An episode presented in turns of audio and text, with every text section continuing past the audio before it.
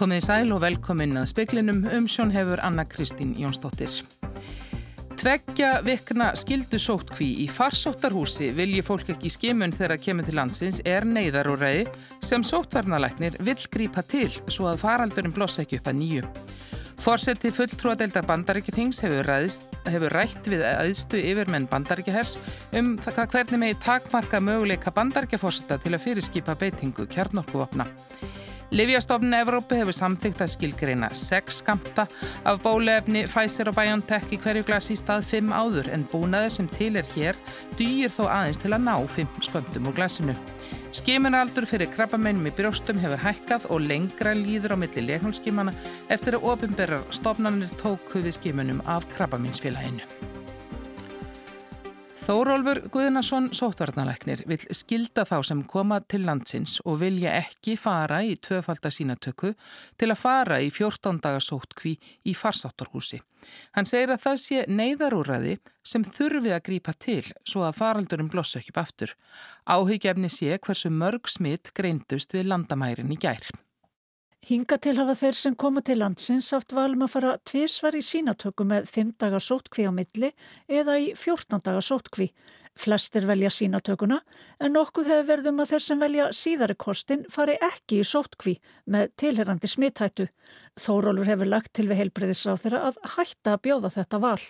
Ef að það er ekki talið vera kostur, að þá sé fólk sem vil fara í sótkví, að það fari í sótkví þar sem er hægt að fylgjast vel með því. Því að við vitum það að fundafarið verið margsinnis sko fólk staðið að því að alltaf fara í sótkví en svo er það bara komið út í bæ. Þórólu segir að um neyðarúræði sé að ræða í því skyni að halda faraldrinum niðri. Þetta er, tilröðin til þess að reyna að minka möguleikar enn frekar og við erum að sjá mjög mikið á smitum á landamærunum og þá verðum við að reyna að gera allt sem að hætti er til þess að fara ekki að fá fleiri smit á landamærum og sérstaklega núna þegar við erum að sjá svona breskastopp vera að koma upp sem verðist vera tölvöld meira smitandi heldur en aðri stopnar. Þýrti þetta að taka gildins fljótt og hættir?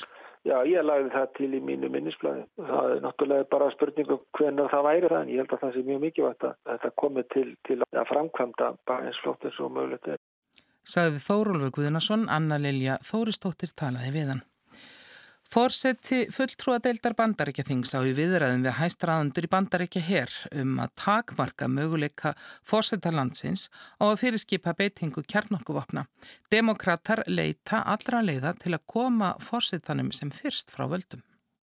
Nancy Pelosi, fórseti deildarinnar, greindi frá því í dag að hún hefði rætt við æðistu yfirmenn bandaríkjahers um leiðir til að tryggja að Donald Trump, fráfarandi fórseti, hafi ekki réttindi til að fyrirskipa kjarnorkuvopna árás á þeim tól dögum sem hann á eftir í ennbætti.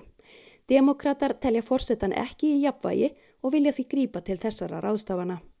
Trump hefur sætt mikill í gaggríni eftir að æstur múgur réðist inn í bandaríkjaþing á miðvíkudag og kalla leiðtúar demokrata eftir því hann verði settur af. Fimm eru látnir eftir óerðirnar.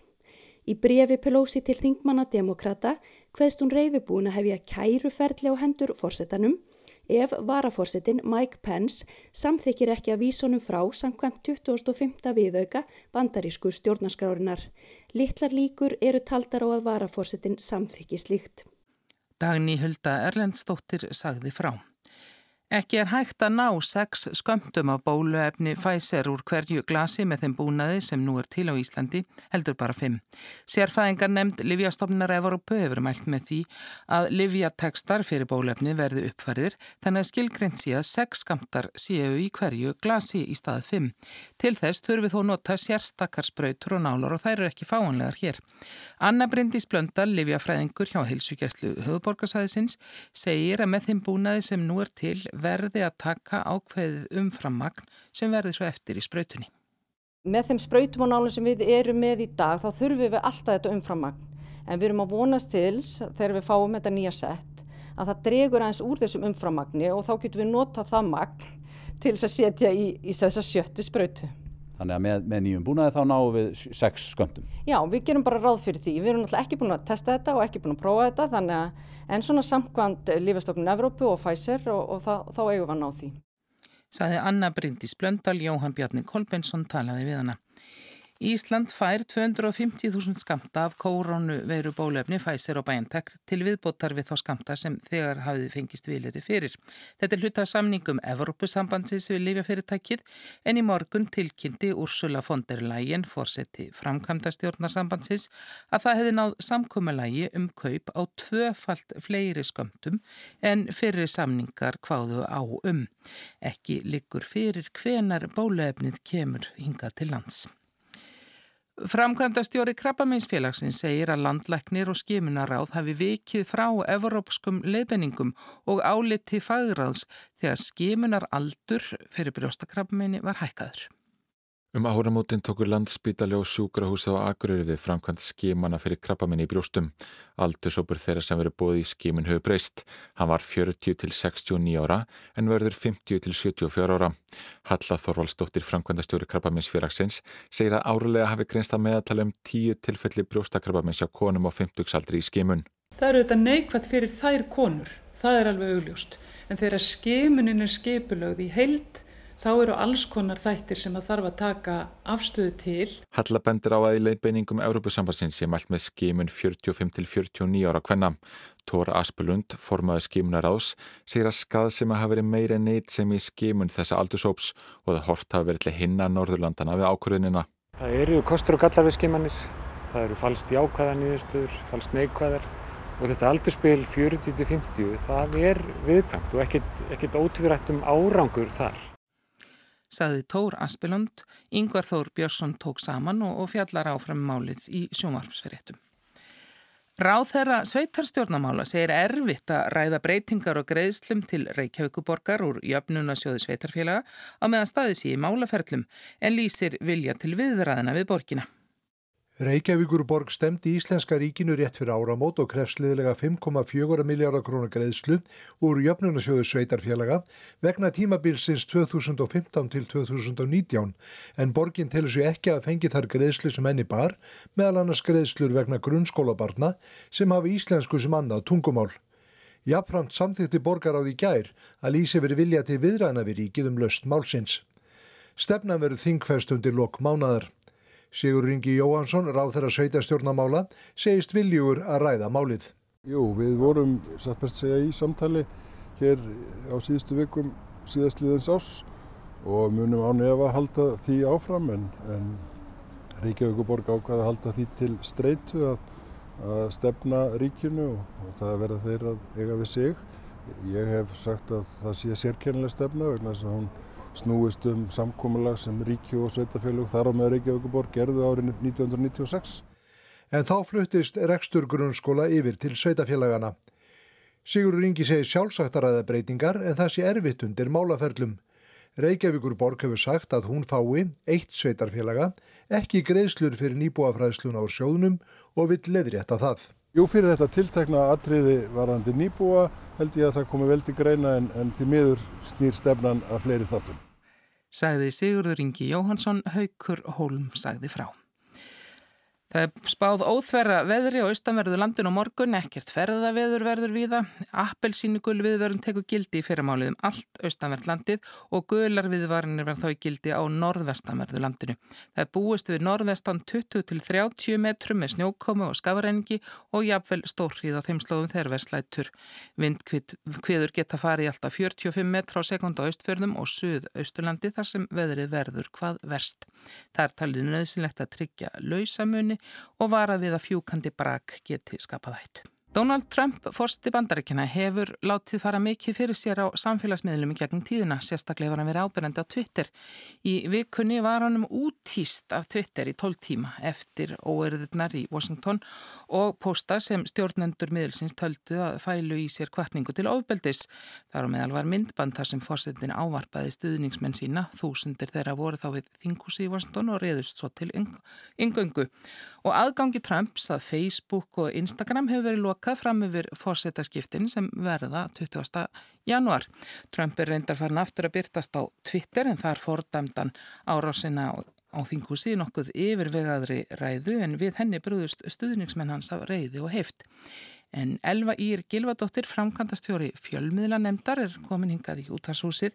Þess að fréttir af viðbröðum, já, Twitter og Facebook og þessum samfélagsmyndum, það, svona, mennum, það sýnist sitt hverjum um það, hvernig það, hvað felist í því að útiloka fórsetta bandaríkjana, hvað sem mennum finnst um það sem hann þar skrifar.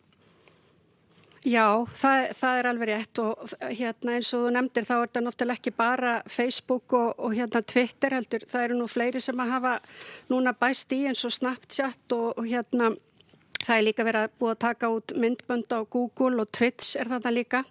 Þannig að, að, að þetta er svona uh, svolítið sérkennilegt ástand. En ég held að, að svona ef við bara skoðum þetta í, í svona bara sögulegu samengi þá náttúrulega hefur uh, tjáningafrelsi hefur náttúrulega það er ákveð réttindi sem að felast í því. En í öllum stjórnaskrám og náttúrulega líka margætenda sáttmálunum þá eru líka þá hérna ákveðna skildur þannig að það eru takmörk menna mann með ekki verið með hattusorðræðu, kvartningu til vera háttsemi og svo framvegs eða fara, fara inn á eitthvað slíkt. Og það sem hefur kannski gæst er það að, að undanfarnar áratíð þá er þetta náttúrulega og, og væntingar fólks er til þess að það séu ríkin sem að eru að, að ákveða þessu mörg en nú eru þau eiginlega ákverðið af svona hagnaðar drifnum stórfyrirtækjum sem að flest eiga sér þá uh, hérna höfuð stöðva sínar í, í Kaliforni og það er kannski það sem að svona menn er að velta fyrir sér sérstaklega vegna þess að þetta hefur bara alls ekkert gengin eitt sérstaklega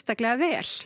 Nei, það hérna, er kannski hvorki að halda utanum umræðuna nýja, menn hafi það alltaf í huga þarna eru menn að tjá sig á já, þessum ofinbæri vettfangi en samt á ofinbæri vettfangi sem er í enga eigu einhverjar. Þannig að við leiðum alltaf svo mikið hugna því. Já og, og, og þannig náttúrulega er þetta í raun og veru sko stórfyrirtækin sem er að taka ákverðanir um það hvar þessi mörg liggja en, en, en ekki í þess að lögjöf og dómaframkant svona eins og við eru kannski vön mm.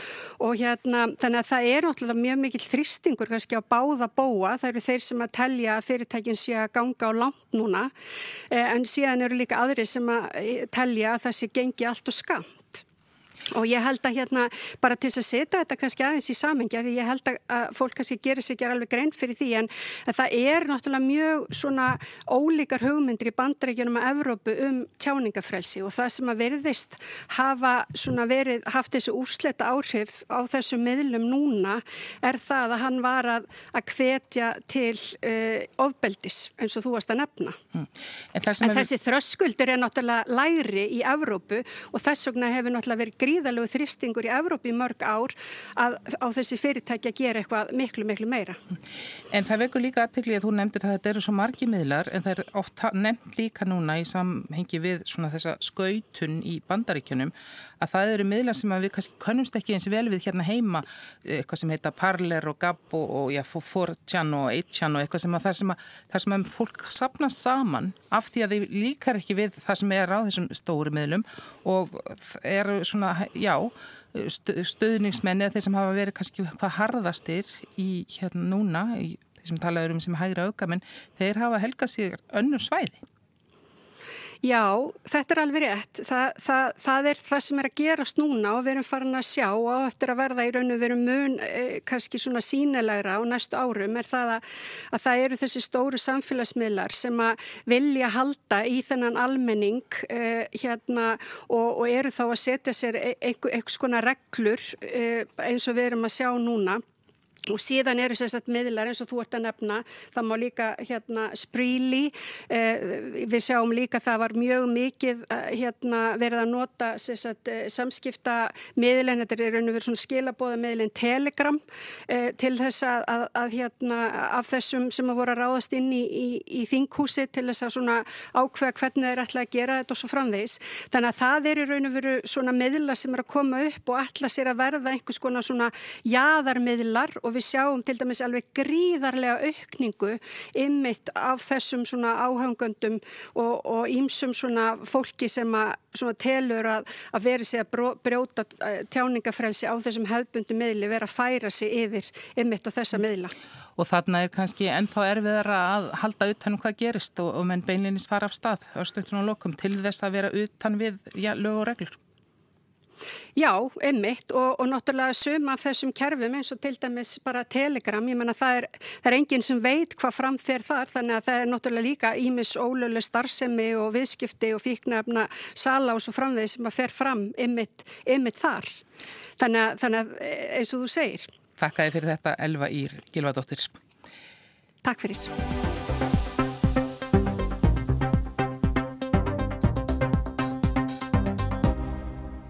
Ekki ferðast áþörfu, ekki fari verslunulegangra og ekki hitta fleiri nöðslegt er og helst bara þá sem þú býr með. Þannig hljómuður ráðlíkingar sænskra yfirvalda fyrir jólinn og svíjar eru þekktir fyrir að fara eftir reglum og fyrirmælum eða hvað. Hér í Svíþjóð er ekki algengt að fá reynd og beint nei við nokkuru spurningu. Frekar að fólk segi það getur orðið erfitt eða þú getur kannski reynd það en þá meinar fólk í raun það er útilokað. Eins er lítil stemming fyrir bóðum og bönnum. Í staðin koma ráðleggingar, jafnvel eindregnar ráðleggingar eða ákveðin tilmæli.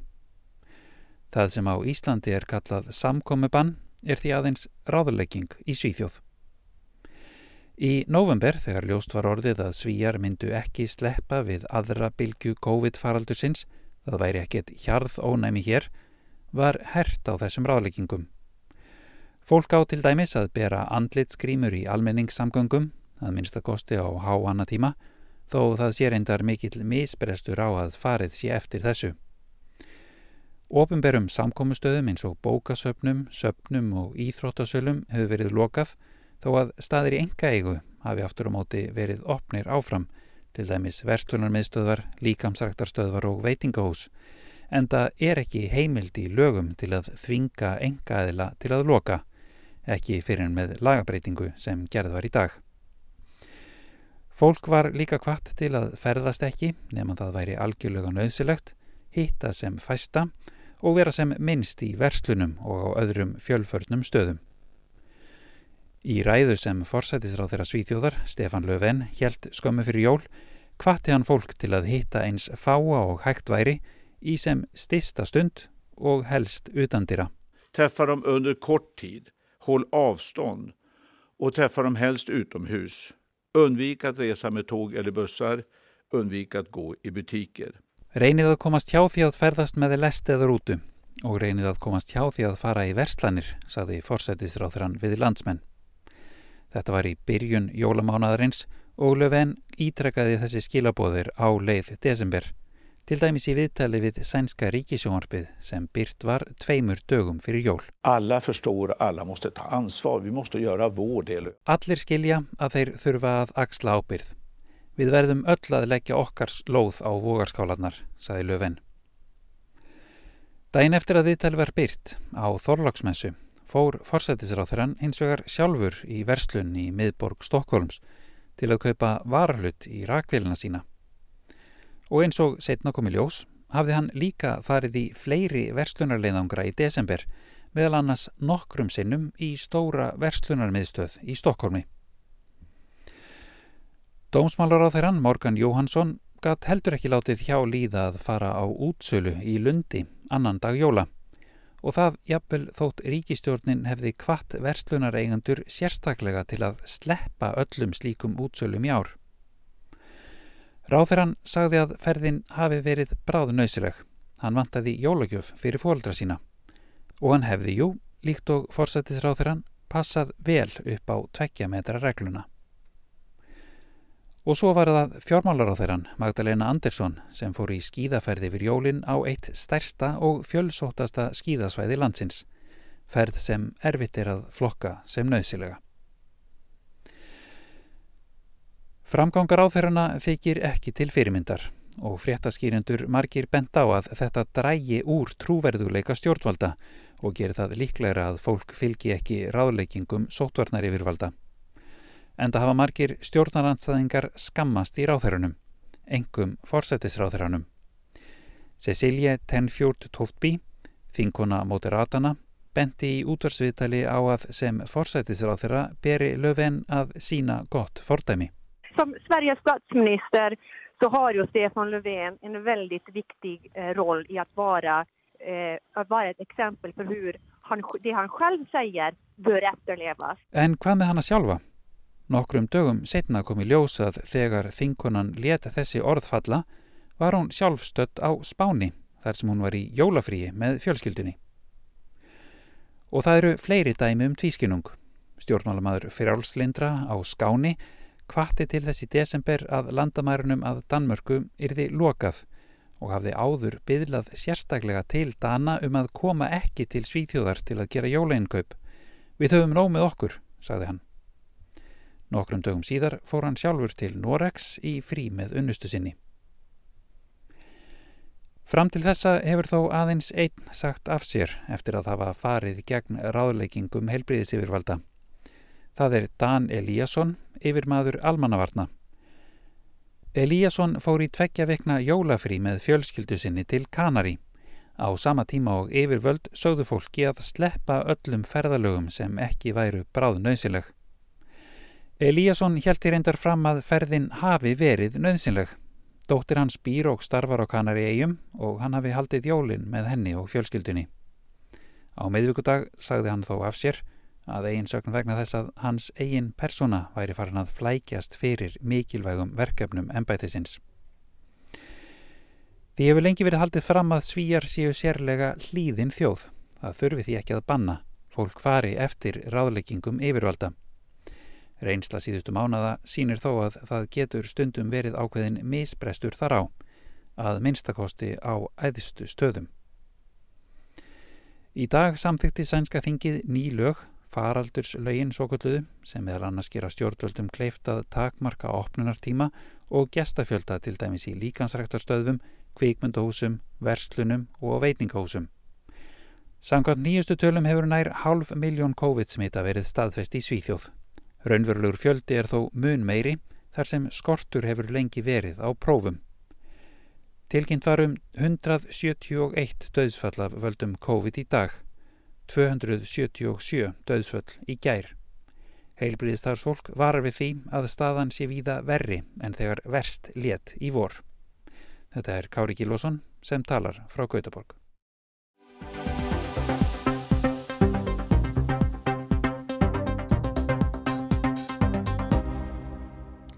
Í byrjun desember urðu brettar fyrstir Európu þjóða til að taka upp bólusetningu gegn COVID-19 verunni. En sem komið er gengur þó hægt að koma bólefnin í gagnið. Bretland er nú verst statta Evrópulandi í COVID-efnum og í dag lísti borgarstjóri höfuborgarinnar yfir neyðar ástandi á sjúkrahúsum borgarinnar. COVID-12-fræðin Breska gefur skekjandi insýn í algjörlega stjórnlausan veirufaraldurinn og einna verst er ástandi í London. Það er engin tilviljun að í dag lísti Sati Khan, borgarstjóri höfuborgarnar, yfir því sem kallast meiriháttar atburður eða major incident. Ástand langt umfram venjulegar aðstæður og getur falið í sér ógnun við líf og limi og alla venjulega þjónustu, í raun neyðar ástand. Fjöldi döðsfalla á degi hverjum er á sviðbuð róli og var í vor þegar vest var. Á landsvísu er þriðja hver sjúklingur á sjúkrastofnunum COVID-sjúklingur og annar hver sjúklingur í London. Alls hafa tæplega 80.000 manns látist vegna COVID og svo tala geti orðið 100.000 áður en janúar er allur.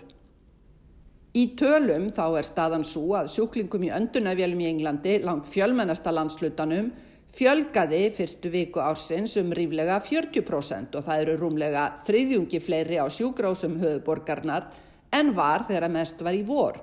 Fyrir jól lögðust um 500 sjúklingar inn á sjúkrahúsinn þar daglega, nú um 830 og ekkert láta á. Og já, 800 manns er eins og fjöldi sjúklinga á stóru sjúkrahúsi í London. Það bætist því við sem samsvarar að fylli heilar spítala á degi hverjum.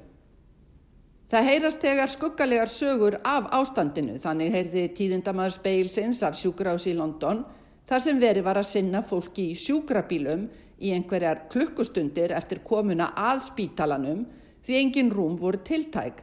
Þetta hafði ekki gerst áður, kom ekki fyrir í vor. Í vor var öllum aðgerðum frestað eðar gáttu beðið til dæmis liðskiptum. Nú er óttast að ástandi bytni á brínum tilfellum eins og krabbaminslækningum. Allar þessar tölur benda í eina átt. Ef svo heldur fram sem nú er, munu sjúkrásin í London einfallega ekki anna móttökusjúklinga í fyrirsjáanleiri framtíð. Í besta lægi mun vanta 2000 rúm daglega eftir tíu daga. Í versta lægi 5400 rúm, sangkvæmt útrekningum yfir stjórnar heilbriðskerfisins í Englandi. Horfurnar eru dökkar og þær eru einstaklega dökkar í London sem slapp fremur vel í vor þegar veirufaraldurinn herjaði sem harðast í Norður-Englandi. Það er því ekki af engu að Kahn borgastjóri rekur upp neyðaróp um hættulegt ástand. Færnin í að annast sjúklinga hefur þó aukist í muna frá í vor. Í vikunni var til dæmis byrt bresk hollensk rannsók sem sínir að það gefur góða raun að nota tvö þekkt giftarlif á samt styrum, engum rétt þegar sjúklingi er að versna bæði léttir sóttina og stittir spítalaldöl.